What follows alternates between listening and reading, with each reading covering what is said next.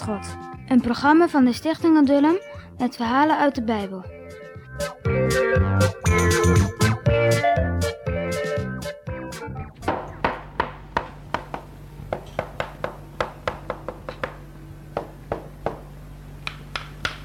Noach ging hard aan het werk. Er was zoveel te doen. Zijn zonen, Sem, Gam en Jafet hielpen hem. Het duurde niet lang of de vrouwen konden weer broden bakken. En er waren ook sappige druiven uit de druiventuin, die Noach had geplant. Er was voedsel in overvloed, want de Heere zegende het werk. Maar op een dag gebeurde er iets heel ergs. Gam lachte zijn vader uit en spotte met hem.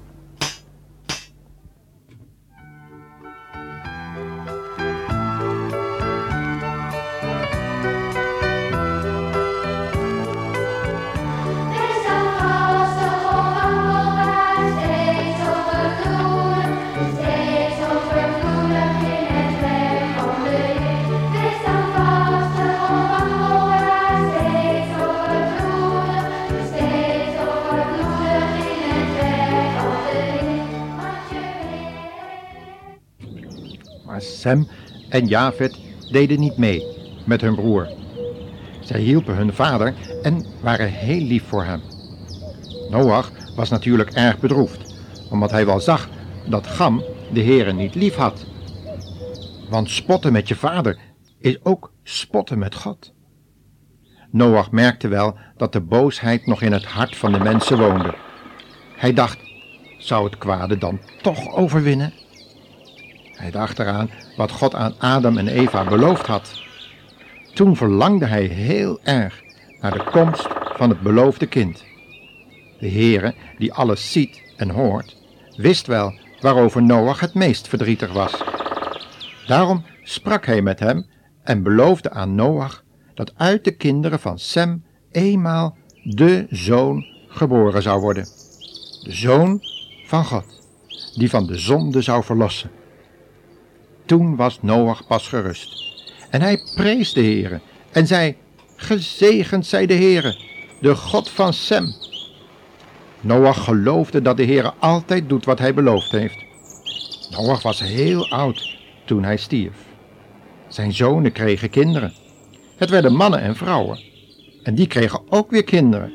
Zo ging het maar door tot er weer heel veel mensen op de aarde woonden. De vreselijke watervloed waren ze al lang weer vergeten. Ze deden veel kwaad en wilden niet luisteren naar de Heere.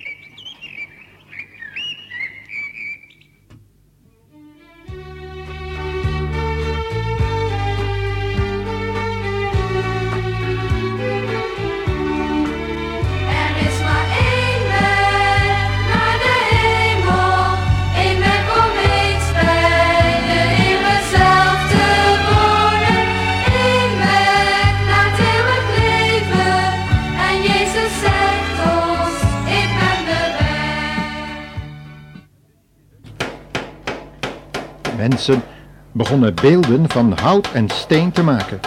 En daarvoor gingen zij buigen. In die tijd spraken de mensen maar één taal. Ze zeiden tot elkaar, we moeten alle bij elkaar blijven. Dan zijn we heel sterk. Maar de Heere wilde niet dat de mensen altijd op één plek zouden blijven. Hij wilde dat ze de hele aarde zouden bewonen en vruchtbaar maken. Maar de mensen trokken zich er niets van aan. Ze zeiden, laten we een hele grote toren bouwen. Zo hoog dat de spits tot boven de wolken reikt. Dan zal iedereen van ons spreken. En zo gezegd, zo gedaan. Ze deden het. Elke dag werd de toren hoger. God keek vanuit de hemel op die dwaze bouwers neer. En wat deed God toen? Hij zorgde ervoor dat ze niet meer dezelfde taal spraken. Opeens begrepen ze elkaar niet meer. What you say? I cannot understand you. Ik kan niet arbeiden zo. Ik kan hier niet verstaan. Wat? Wat zeg je nou allemaal? Wat een rare taal slaan jullie uit.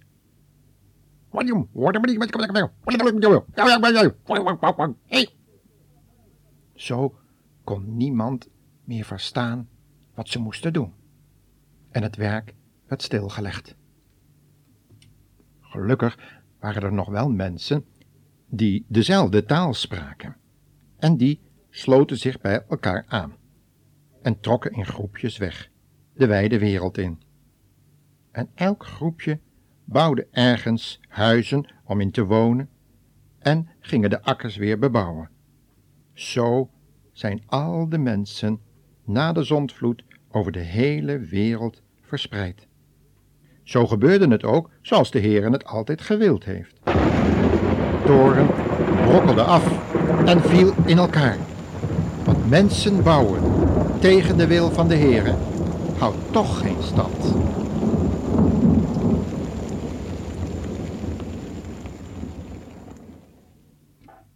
Zeg, jongens en meisjes, wist je trouwens dat het verhaal van Noach en zijn ark al heel lang over de hele wereld bekend was, tot in het oude China toe, dat je dat zelfs terug kan vinden in de lettertekens van het Chinese handschrift. Nu nog wordt dit verhaal in vele landen uitgetypt en vertaald, zodat ook jullie het kunt lezen in de Bijbel. Wil jij ook zo'n Bijbel? Schrijf dan eens naar ons. Misschien kunnen wij wat voor je doen. Anders vraag je het maar aan je ouders.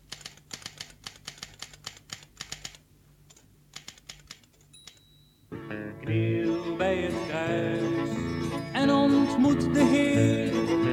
Jezus, hij wacht daar op jou. Stel het niet uit, leg je zonde neer.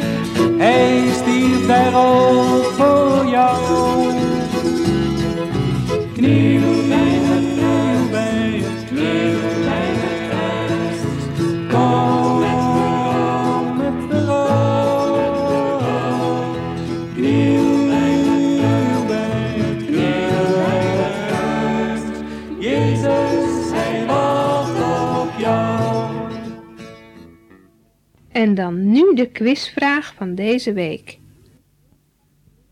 Daar komt hij dan. Wat was de oorzaak dat er zoveel verschillende talen in de wereld zijn? Dus nog een keer. Wat was de oorzaak dat er zoveel verschillende talen in de wereld zijn?